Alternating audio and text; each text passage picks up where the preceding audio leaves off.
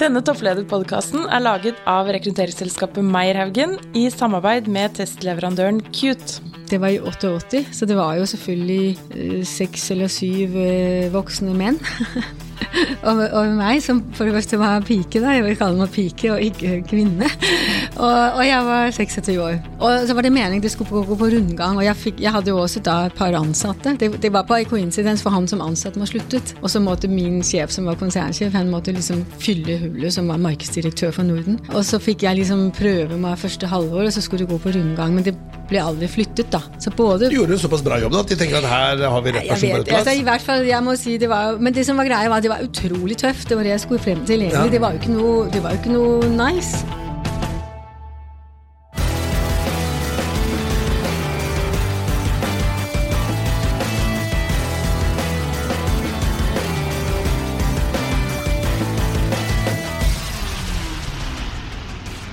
Ja, i dag er vi så heldige å ha med en veldig spennende gjest, Henrik. Ja. Og det er Tine Vollebekk. Velkommen til deg. Takk for det. Og eh, Tine, eh, kan ikke du fortelle hvor er det du jobber hen? Jeg eh, jobber i Bank Norwegian. Og Bank Norwegian det er et veldig spennende selskap. En børsrakett over mange år. Og dere gjør det veldig bra. Ja, det, det gjør vi. Ja, absolutt. Det er et selskap Det som er morsomt med banken, er jo at det er Vi har jo veldig mange kunder, så vi er jo absolutt en bank for alle. Og det er gøy å vite man holder på med noe som på en måte eh, bidrar hos alle. Ja, og Hvis vi da skal uh, si litt om Bank Norwegian, så er det en, en, uh, altså en spin-off av egentlig flyselskapet Norwegian. Ja, altså det er ikke en spin-off, men det er helt, eh, helt absolutt ideen til gründerne av flyselskapet. De eh, tilbake i 2006-2007 så så så man at for å kunne konkurrere som flyselskap med et bonusprogram, så måtte man ha et co-brand med et eh, betalingskort. Og det var vanskelig å finne en god avtale med en bank. Og gründeren av flyselskapet fant ut eh, hvorfor ikke starte en bank òg. Og dermed så var det deres initiativ. Og, de fikk sammen en veldig fin gjeng med dyktige folk som kunne bank. Og så startet banken i 2007. Men hele veien som en, som en egen bank, og flyselskapet eide da 20 og, og gründerne eier fortsatt en del. Flyselskapet solgte seg ut i sommer. I fjor sommer, og det var egentlig mer sånn tekniske grunner. Eh, tilbake fra 2017, når man gjorde om investeringen til en finansiell plassering. Eh, så flyselskapet og banken har fortsatt veldig nære bånd i form av kundeprogrammet som vi har sammen. Men, men eh, banken er nå har vært mer verdt enn selve flyselskapet. Ja, det er den, det er den fortsatt. Vi, I dag Nå går kursen litt opp og ned, men ca. 17 milliarder er banken verdt. Ja, og flyselskapet er Ja, det er litt forskjellig. Det varierer litt. Jeg er ikke dagens notering, men det har jo vært alt mellom eh, 7 og 12, 5 og 12, ja. Jeg ja, vet ikke. noe Så det er betydelig større ja, i børsverdi. I, I verdi er det jo det, ja. Men dette skal vi komme mer tilbake til. Men jeg har lyst til at eh, gjestene, eller lytterne våre, skal bli litt bedre kjent med deg, Tine. Og da tenker jeg at eh, vi skal prate om dette med passion. Eh, og hvis jeg hadde møtt deg på fest en gang eh, og, og skulle spurt deg Du, hva er din store lidenskap eller guilty pleasure? Hva kan du prate om i timevis? Hva skulle det vært? Min store lidenskap. Ja, det er litt sånn øh, Det var veldig stort. Jeg, altså jeg vil si jeg er, en, jeg er nok en altså min, Jeg har bare én stor lidenskap, og det er liksom livet og de nærmeste rundt meg. Det er, altså jeg har ikke noe sånn Jeg må ikke gå på rosemaling eller vinkurs, men det er, det er liksom livet. Så hvis jeg skal prate altså Det jeg syns er spennende å snakke om når jeg er på fest, det er jo liksom opplevelser jeg har Ja. hatt. Og det kan være i alles sjangre. Og så også høre om andres opplevelser. Og, og, og jeg skjønner godt hvorfor dere spør, egentlig, fordi jeg liker egentlig også godt når jeg møter folk på fest, å få dem til å prate om hva, det, altså hva de er passionate about. fordi da blir man jo man blir utrolig fort kjent i forhold til at man kanskje ikke kjenner hverandre. Så jeg må si, jeg har ikke sånn, jeg har mange ting jeg er opptatt av. altså Jeg er veldig opptatt av Jeg har jo barn selv, så jeg er veldig opptatt av det der med hvordan man får gode unger. Altså, Ja, så oppdragelse og hvordan man liksom uh, skaper gode, hele mennesker. Det er jo et veldig stort ansvar vi har. Jeg er veldig glad Altså, jeg har jo hatt forskjellige Jeg har jo um, jeg, jeg er egentlig ikke sånn veldig sporty type, men i 2010 så ble jeg invitert med, eller 2011 ble jeg invitert med i en sånn løpeklubb, og da snakket jeg om det stort sett alltid. Og det er jeg fortsatt veldig glad i, men det er liksom ikke en passion, så det er nok opplevelser. Ja. Altså det å, å dele sånne ting man har opplevd, og hva det har gjort med en. Så liksom Ah. kanskje på et litt sånn dypere nivå enn en interesse, liksom. Det er nok det som er Har du et eksempel på en hendelse som har satt litt spor hos deg? Eller? Uh, ja, altså, jeg har jo mange, men altså, for eksempel synes, altså, Jeg syns eksempel Vi blir jo ofte veldig sånn um, Hva skal jeg si um, man merker egentlig ikke omgivelsene sine, fordi man er vant til dem. Så jeg var jo veldig heldig, eller hva man skal si, um, å, å jobbe nesten fem år i Asia med Telenor. Og var jo i land som overhodet ikke har de forholdene vi har.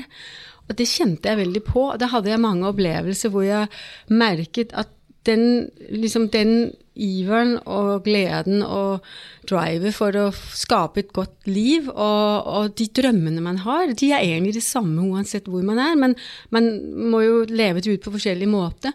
Og den følelsen da er å komme hjem til Norge når jeg hadde vært i noen av de landene, så jeg var veldig mye i Pakistan. Og i Bangladesh var jeg mye, Myanmar, som er mye i nyhetene om dagen. Og det å da kjenne de landene, og få de opplevelsene, det har gjort veldig mye. Altså det har vært uh, Ja, uh, syns jeg uh, er spennende. Altså jeg var jo f.eks. i Myanmar før Telenor hadde startet.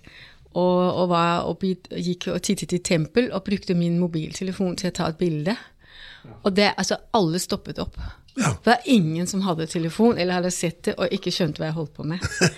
Så det var ganske stort, altså. Fordi de, Det var bare- noe, ja, fordi de landene der er det kanskje ikke noe selvfølge å nødvendigvis ha et bra liv. Det er jo kanskje mer det er en, ja, Altså det er jo- Spørsmålet er jo selvfølgelig hva et bra liv er. Men hvis Men man tenker ikke tenker alltid du dør tidlig, det er mer sykdom, det er kanskje mer Ja. korrupsjon, det er mer ja, altså fattigdom, korrupsjon kriminalitet syns jeg er bra at du nevner, fordi det tror jeg er en av de tingene vi skulle, vi skulle sette enda mer pris på her. Fordi korrupsjon det gir jo utrygghet. For du vet aldri helt altså det, De du skal stole på? Vi er veldig opptatt av å stole på offentlige instanser, politi, helsevesen, politikere. Og det å da leve i et samfunn hvor altså Det betyr jo også f.eks. vi, lik- vi syns det er greit å betale høye skatter. Vi skjønner hva de blir Mm. Vi får mye igjen for det, ikke sant? Ja, vi gjør det. Og, og så, så, sånne ting er liksom interessant, syns jeg, da, å, å observere hvordan um... Og så, Jeg var jo mye i Malaysia òg. Spennende å se en kultur hvor det var tre forskjellige nasjonaliteter egentlig som er Malaysians, men så er det liksom bare én som egentlig har alle rettigheter, og det er Malays. Ja.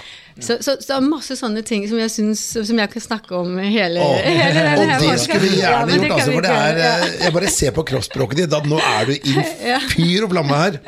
Men i dag har jeg med en gjest. eh, Vanligvis er det jo Sverre Haugen som er eh, prateren her, men i dag topper vi laget siden det er Bank og Finans. Da har vi med Henrik Andersson. Han er jo en, en kjær kollega. Så Henrik, kan ikke du bare si kjapt hvem du er, da? Ja, hjertelig takk for en hyggelig introduksjon og veldig inspirerende intro ved deg, Tine.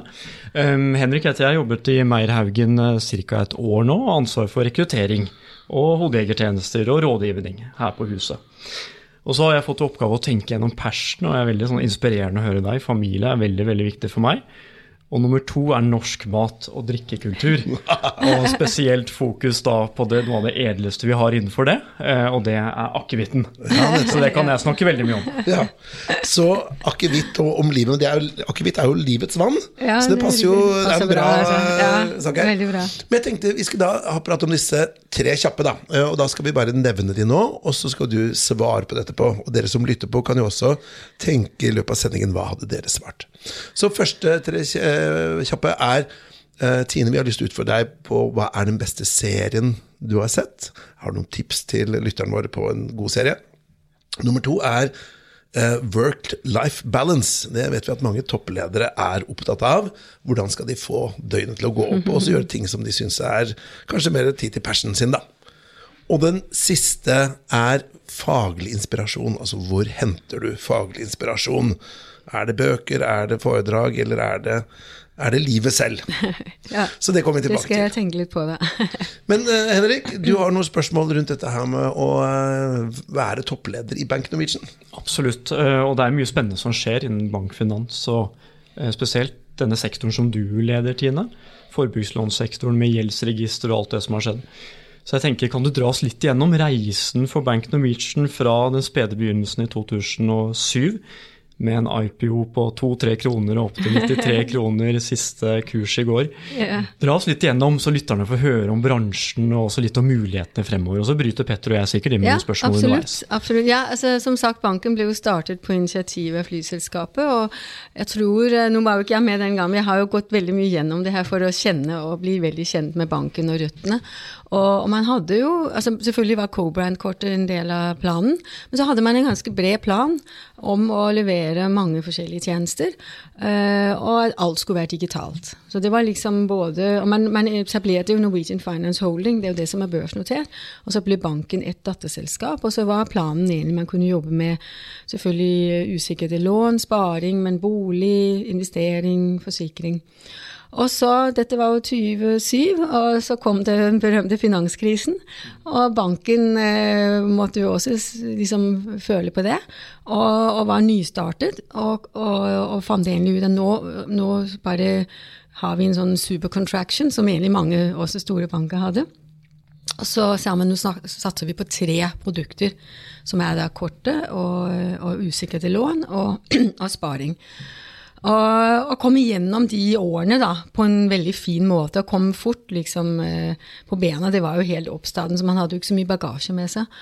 Um, men det mange har glemt, fordi det, når man kom vel inn i 15 13-14-15 så var jo på en måte banken blitt en stor suksess.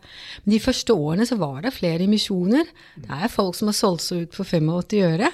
Eh? Så, så det bank, som Bank Norwegian fikk lov til, det var å vokse seg sterk under radaren. Og med veldig eh, lojale eh, eiere som stilte opp med penger. Og uten de store forventningene om at dette skulle liksom være eh, en sånn eh, hva skal jeg si, den, den enorme reisen det ble da i verdiskapning. Men det var ikke det som var drivkraften så mye. Det var like mye det å skape dette kortet, som skulle være det beste reisekortet. Eh, og så skulle det være en heldigital bank. Og det, det er det. Og det er det fortsatt. Og den er både digital på innsiden og utsiden. Og så mm, ekspanderte man jo til Sverige i 13 og Danmark og Finland i 15, så man fikk jo liksom denne vekst, fortsatte veksten. Samtidig som lønnsomheten økte og økte. Og så rundt øh, sånn 13-14-15, i de årene der, så ble jo det en inspirasjon for andre. Men jeg tror ikke alle hadde liksom fått med seg hvordan starten var. Så derfor tror jeg litt av den uroen vi har sett i Norge rundt denne bransjen, har vært fordi litt for mange har villet for mye litt for fort. Og da kan man si det har blitt et stort press i markedet. og um, på mange måter så har jo også markedskreftene pushet på. og sånn. Så, så det er nok, sånn som jeg ser det, så har Bank Norwegian egentlig kjørt sin kurs hele veien. Og, og jeg vil jo si, jeg kom jo inn i, i 2017. Um, og, og jeg, jeg syns det er Vi har en helt fantastisk kultur. Det er en veldig liten bank. Vi er liksom 85 ansatte. Vi er vel ca. 100 mennesker i kontorene. Vi har litt sånn eh, konsulenter òg, som har vært hos oss nesten fra start. Så alle, vi er liksom en, en stor gjeng. Kjenner hverandre. Eh, Jeg må si Det er karakterisert av en enorm sånn ansvarsfullhet, og det vi har den gründerånden fortsatt. Og flere av lederne òg. Altså mange har vært der fra starten fortsatt. Så det gjør at det er en veldig sånn eh, Jeg må si eh, et veldig fint sted å være, med veldig flotte folk. og veldig stor grundighet og kunnskap. Så, så det, er, eh, det er sånn vi på en måte har stått igjennom. Noe som jeg opplever har vært eh, litt sånn eh, en bransje som har vært i stormen. Og så må jeg jo si, nå er- handler jo ikke det her om, om alle pros and cons, men det er klart at den stigmatiseringen som er og det, det gjelder jo mange ting i media. at For å få gjennomslag så må man personifisere. Og man glemmer Hva tenker du med stigmatisering, da? Nei, altså det er jo det at um, Nå snakker jo man liksom om forbrukslånsbanker, og så snakker man liksom om som om at ja, men da tar folk et lån for å ha forbruk. Men det heter jo consumer loans, dvs. Si forbrukerlån. Så det er jo ikke det at de lånene nødvendigvis går til forbruk. Det, men, men, vet du hva, de, men, eh, hva, hva bruker folkene pengene til? Ja, altså det de bruker, altså Mange bruker de til å slå sammen masse klattgjeld. Enten privat eller fra bank. Altså, det kan også være kredittkortgjeld som er dyrere. Så man bruker det til liksom å rydde opp og si nå skal jeg liksom sale om, nå har jeg hatt litt for mye forskjellige greier her. Og så får man litt orden på det på den måten, og forutsigbarhet. Men veldig mange de bruker det også fordi de skal pusse opp, f.eks. og ta da tar de det lånet, og så er jo ofte lånet tilbakebetalt et halvt år etterpå. Ja. Og så har vi også en stor gruppe av uforutsette hendelser. Når vi har spurt kundene hva de bruker pengene på, eller hvorfor de søker om et lån, så er det uforutsette hendelser. Og da er det jo sånn at veldig mange fornuftige folk og kloke mennesker eh, er så heldige, jeg vil si heldige, for det er ikke at de altså Når jeg sier kloke i den forstand, så er det de som uttaler seg her. Mm. De har buffere. Mm. Enten selv, eller fordi de har familie, eller noe som kan hjelpe dem dersom noe uforutsett. Men det er veldig mange er, altså Alle mennesker i Norge kan være kunder hos oss. Vi er sånn tverrsnitt av Norges befolkning. Og de har ikke det. Og at du blir skilt, skal flytte ut i morgen fordi du bare ja, finner deg et sted å bo og kjøpe deg en sofa og en seng. Hvordan gjør du det? men, men, hvordan syns du det er å være toppleder for en organisasjon som får en del eh, kritikk i media? da? For hva skal jeg si, Det er jo som du sier, forbruksbanker og forbrukslån er jo ikke sånn ja, det, er jo noen som mener at det er litt negativt, dette burde man kanskje mm. ikke drive med, burde i hvert fall regulere strengere. Men hvordan syns du det er å være toppleder for en sånn organisasjon? Altså jeg, som sagt, Så lenge jeg vet at det vi holder på med er uh, bra, at vi driver veldig ansvarlig, og jeg ser hvor, hvor grundige og dyktige våre folk er, så er jeg veldig fornøyd med det.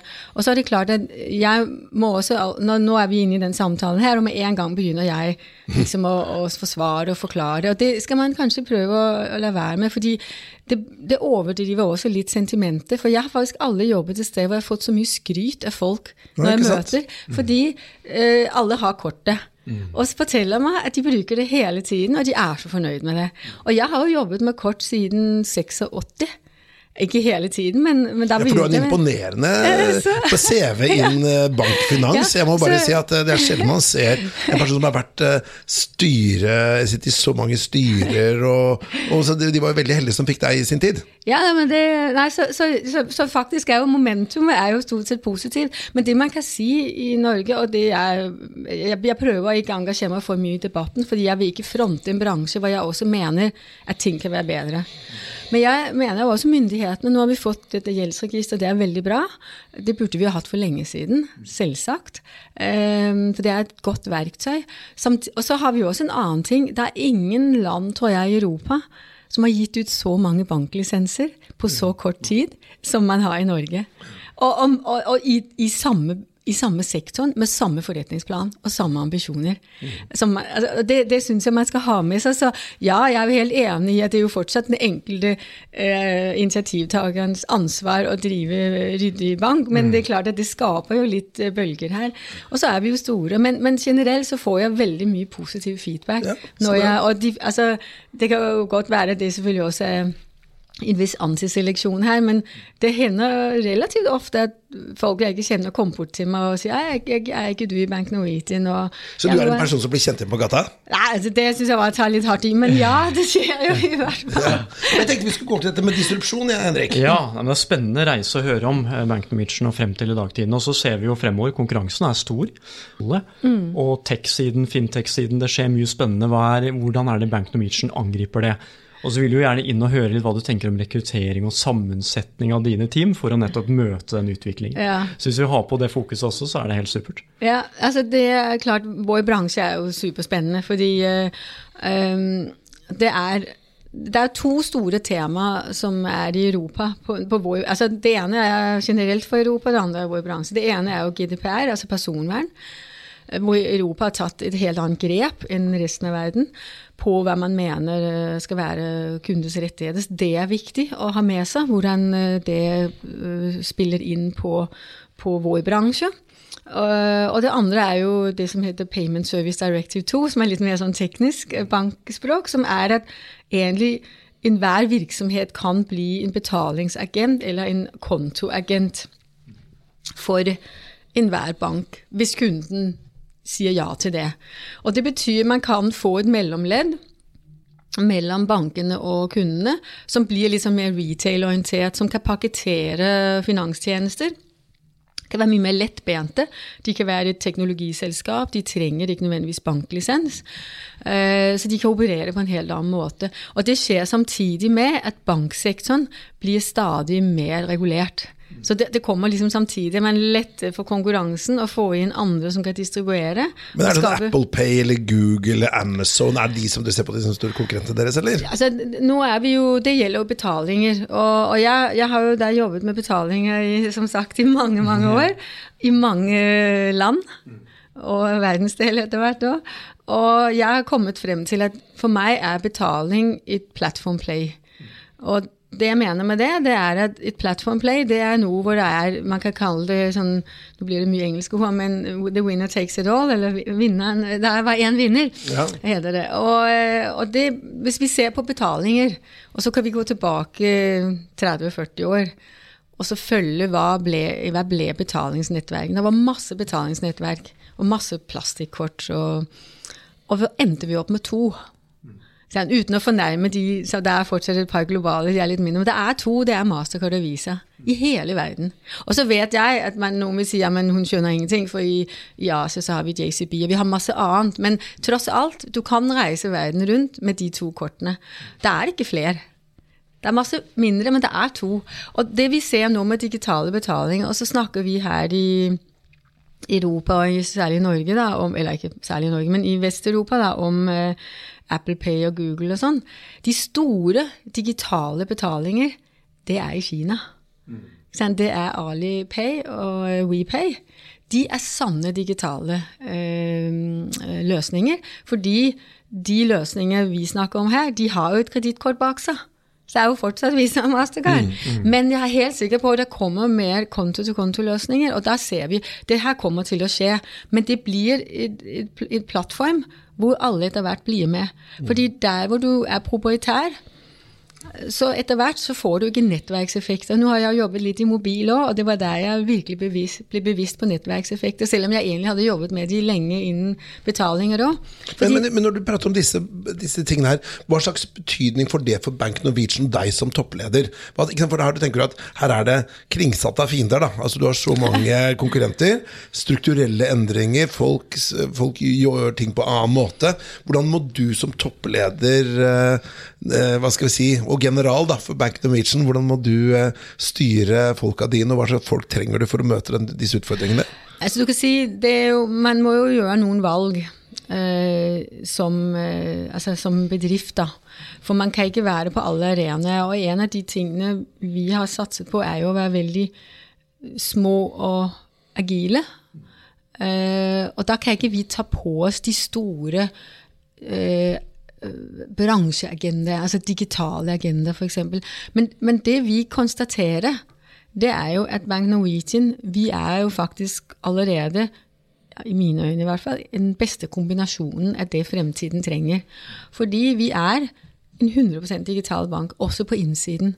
Og mange av de nye fintechene har allerede etter kort tid ganske stor øh, teknologisk gjeld.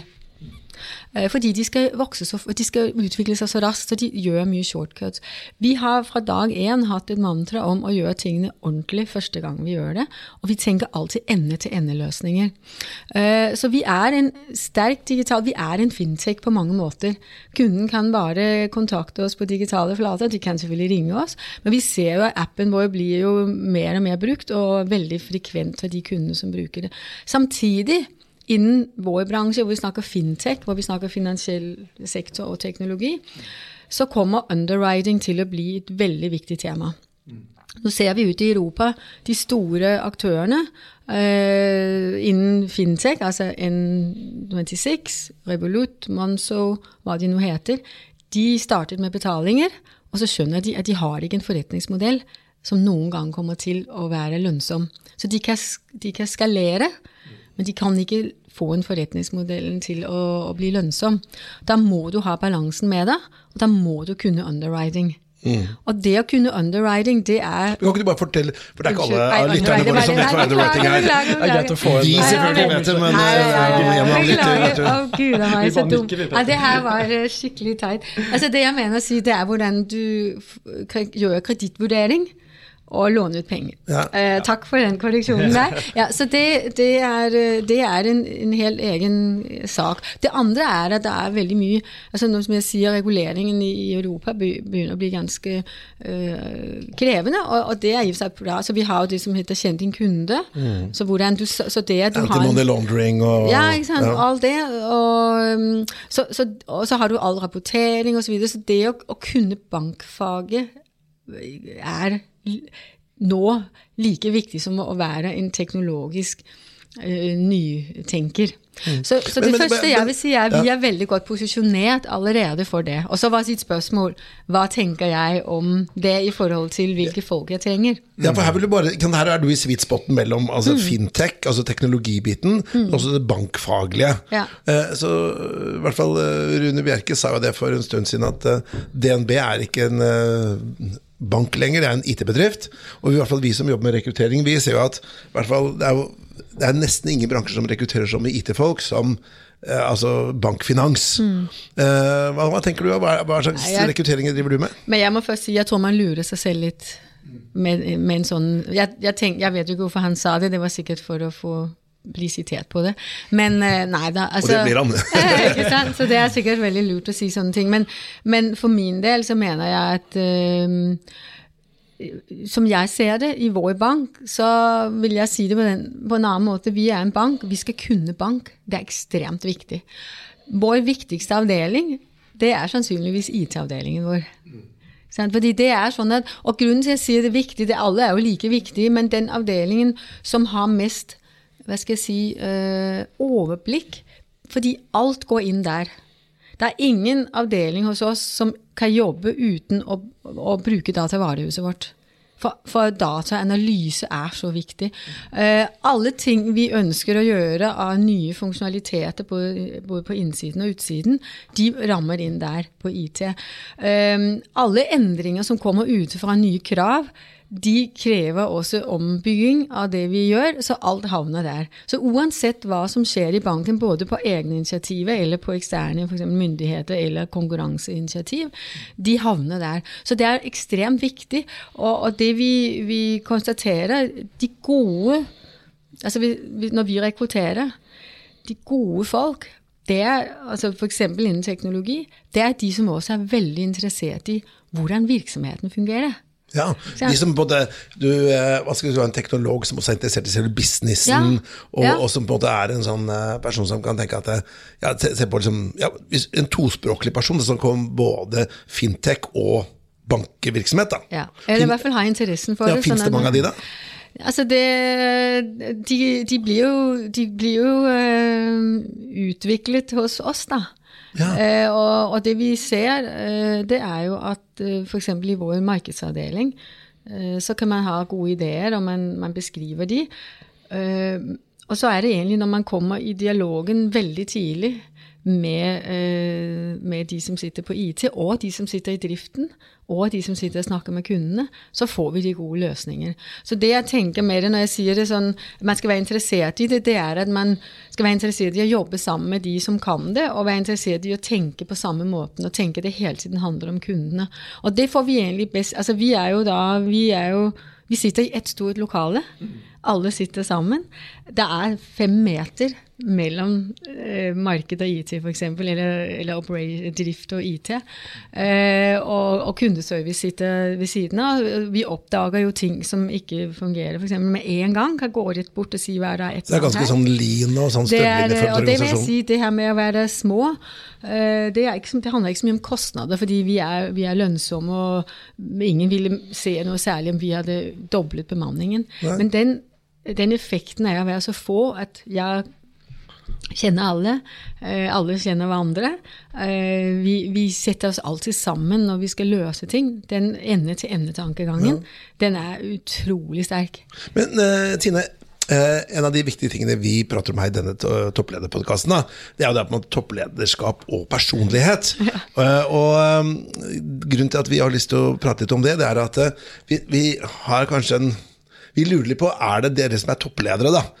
Har det noen fellestrekk? Er det noe som er likt med dere? Eller er det bare liksom uh, Hva skal jeg si Er personligheten like forskjellig blant toppledere som blant andre personer. Da. Og vi gjør dette i samarbeid med en uh, testlander som heter Cute. Som en av de ledende i verden. Og de har da gitt oss eh, noen eh, personlighetstrekk som de mener kan være med på å eh, hva skal jeg si, beskrive topplederskap. Da. Og det er en test som de gjør som heter Shapes Executive. Og jeg har lyst til å bare trekke fram noe med dette med Altså Den gamle type lederstil da, var typisk sånn at, at du skulle være veldig sånn bestemt og, og, og være veldig sånn tydelig, peke med hele hånda. Men nå ser man kanskje trender om at det er mer sånn de var hensynsfull, kanskje litt mer dette her med eh, people, eh, people-oriented. da. Så eh, hva tror du kjennetegner personlighetstrekket til de topplederne du har hatt med å gjøre?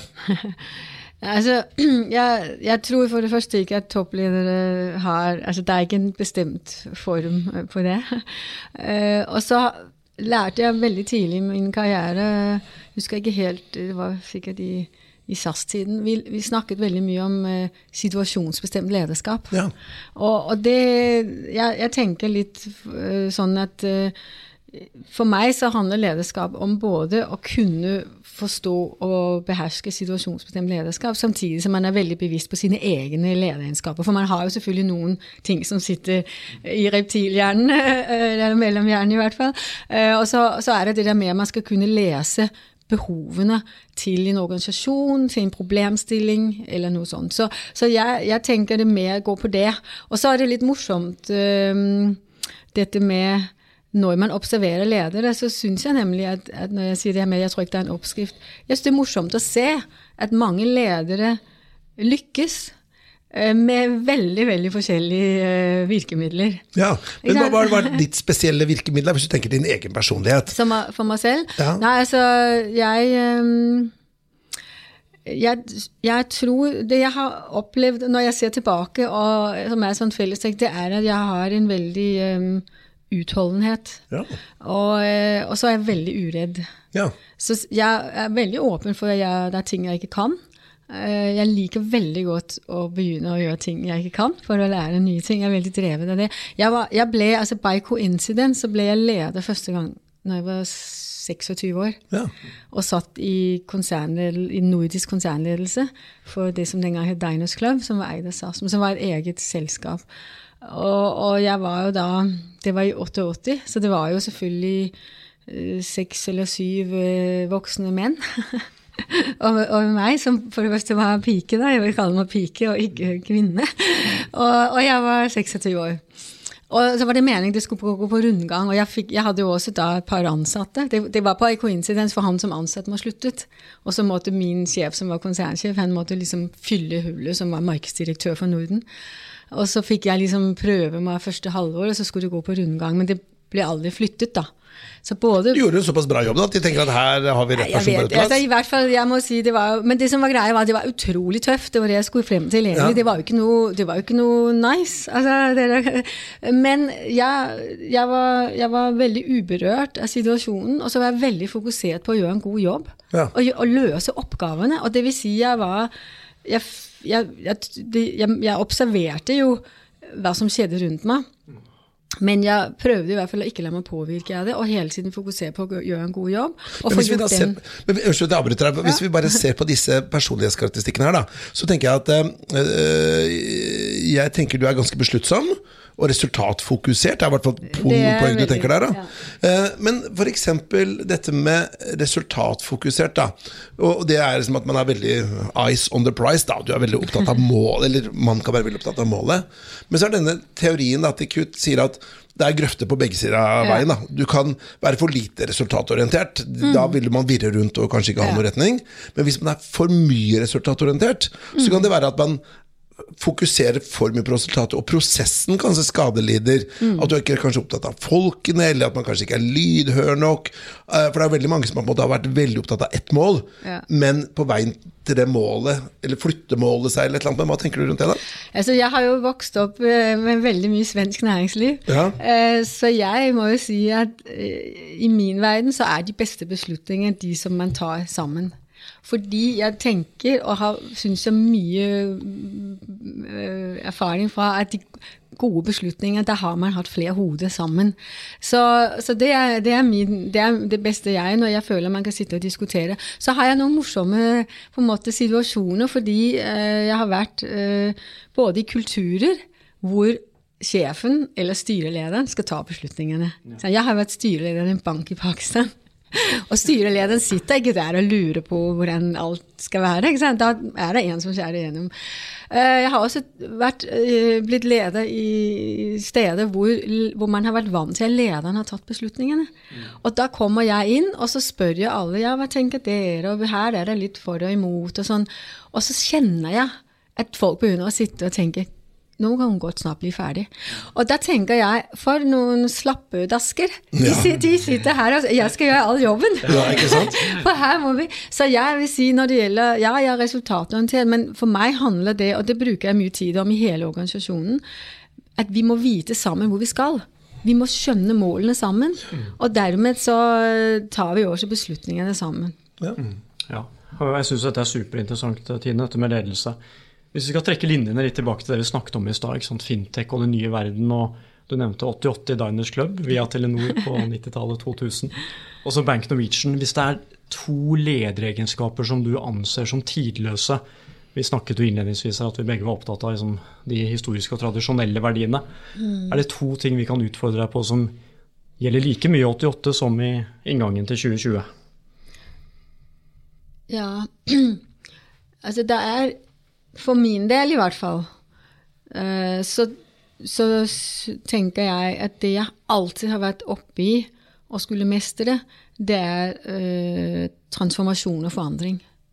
Og, og så tenker jeg sånn litt, jeg er så redd for å høres ut som en floskel her, det der uh, change in the, is the only constant. Men, men det er veldig mye i det at jeg tror som leder, hvis du skal være en god leder, så må du trives med og aldri være helt fornøyd. Altså I den forstand at det er alltid ting som skal bli bedre. Pluss at du skal også være, være god til å tenke at når det kommer noe inn fra siden, eller oppnefra eller nedenfra, som ikke var inne i planen, så skal du liksom egentlig vokse på det og ta det som en bra utfordring. Så det å, å mestre og trives med, og også drive forandring og transformasjon, det tror jeg er veldig, veldig viktig.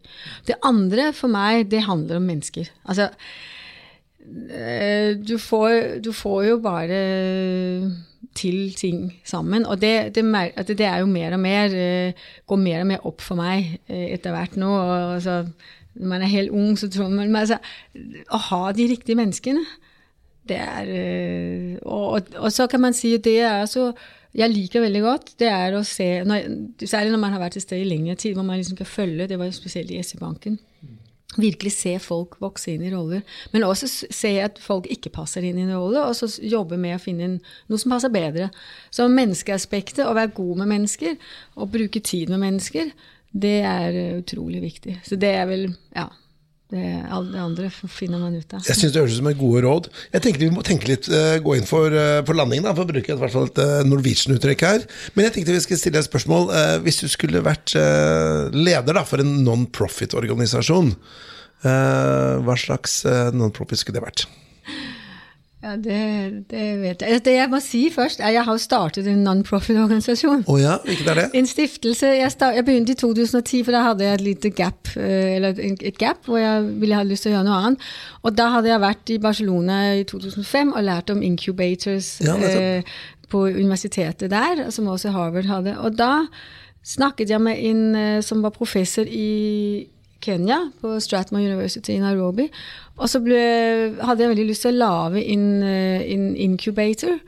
Uh, og det var litt tidlig, nå er det jo overalt, men vi, vi samlet inn penger og startet en stiftelse. og organiserte da at studentene kunne søke, hvis de hadde en god forretningsidé, Ja, så kunne de søke om å få penger fra oss til å starte. Så vi har startet mm, 23 eller 25 virksomheter i, i, Kenya.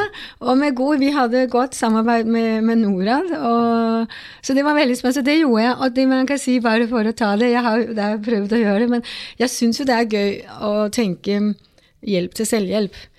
Ja, jeg syns hele si, ideelle organisasjoner, når man tenker hjelp, og, så er det en veldig sånn balanse. Ja. Og, og, og, det, ja, så det hadde jeg nok syntes var spennende. Jeg må bare si at Vi har jo stilt et spørsmål til så mange toppledere, og mange av det og det og det, men, men du er den første som akkurat uh, har startet en egen non-profit. Så det må jeg bare si at det er virkelig virkelig imponerende. Men jeg tenkte vi skulle gå over til disse tre kjappe. Og da var det beste serie, beste work-life balance og faglig inspirasjon. Og vi tenker på beste serie. Er du en person som har tid til å se på TV-serier, eller? Ja, før var jeg vel ikke det, men så har jo jeg fått inspirasjon for mine barn, og de er voksne nå, da. Så jeg har jo sett på Netflix, jeg òg, da. Ja. Og, ja, og da har jeg også liksom sett, i og med vi streamer all TV, så har jeg jo også tatt opp gamle serier. Ja. Så, eh, Hva er favoritten din, da? Ja, det er jo det, det er liksom ikke noe favoritt. For man, serier er jo bygget opp så man skal bli litt hektet. Ja, og så etterpå så husker man Men én serie som jeg syns var utrolig, som jeg fikk anbefale barna, som jeg først syntes var Første avsnittet var helt håpløst, men så syns jeg faktisk det var ganske morsomt. Det var den som het Peaky Blinders. Ah, det er en av mine favoritter. Liksom- Gangsteren i Birmingham på 20-tallet. Og så var det liksom litt sånn historisk preg over det ja. på sin egen corny måte. Det syns jeg var ganske morsomt. Så, ja, skal, det er ja. helt enig. En superbra serie. Og Henrik, har du en bra serie? Jeg står og tenker litt mens vi prater. Det er så mye bra, men eh, Sopranos skal mye til for å slå. Ah, og vi har jo også Breaking Bad, som gikk litt inn på 2000-tallet, men eh, to ordentlige godbiter der. Ah, ja, ja, ja, jeg elsker de, jeg også også. Uh, bra. Uh, beste work-life balance? Uh... Ja, det er et godt spørsmål. Altså det som, altså For det første så har jo også det gått litt i perioder. Jeg vil ikke si jeg har den beste work-life balance akkurat nå. Det blir mest work. Men, men har jo, når, vi har jo tre barn, og mannen min jobber òg. Så jeg må faktisk si at det jeg opplever var, Jeg syns selv vi var ganske gode på det når vi, når vi var liksom på en måte der. Og, og det, en av greiene var å ikke ville for mye. Så min fritidsinteresse, det var familien min. Ja, nettopp. Så det var ikke sånn at jeg hadde 100 ting jeg liksom gjerne ville gjøre og dekke og realisere meg selv. Ja. For realiseringen min var jo at jeg faktisk jobbet det var min hobby, ja. min realisering, min interesse. Og så var familien min liksom livet, ja. hvis man kan si det sånn. Og ikke jobben som var livet og familien. Så det å ha mange hobbyer og mange sånne sideprosjekter, det vil du ikke anbefale? Nei, altså for, for, min del så fungerte i hvert fall det her veldig bra. Og så ja. var det jo sånn, altså på vinteren så var vi på ski hver helg. og ikke sant? Altså Vi gjorde jo ting sammen, men, men, det var liksom det. Jeg dro på ski med ungene og mannen min, og selvfølgelig med venner òg, men det var ikke sånn jeg reiste bort og liksom tok meg en yogahelg. Liksom. Det, Nei, ikke sant? Men det kan jeg gjøre nå. Og det andre jeg vil si om work-life balance, det er kanskje at man godt kan tenke at livet er ganske langt. Ja. Så når man både er eh, altså både kvinner og menn, kan godt tenke på det. At um, vi skal, hva er det vi husker tilbake på når vi sitter et eller annet sted og Nå blir vi over 100 år, da, men når vi sitter der, da. Uh, og så kanskje prøve å, å, å kjenne på det.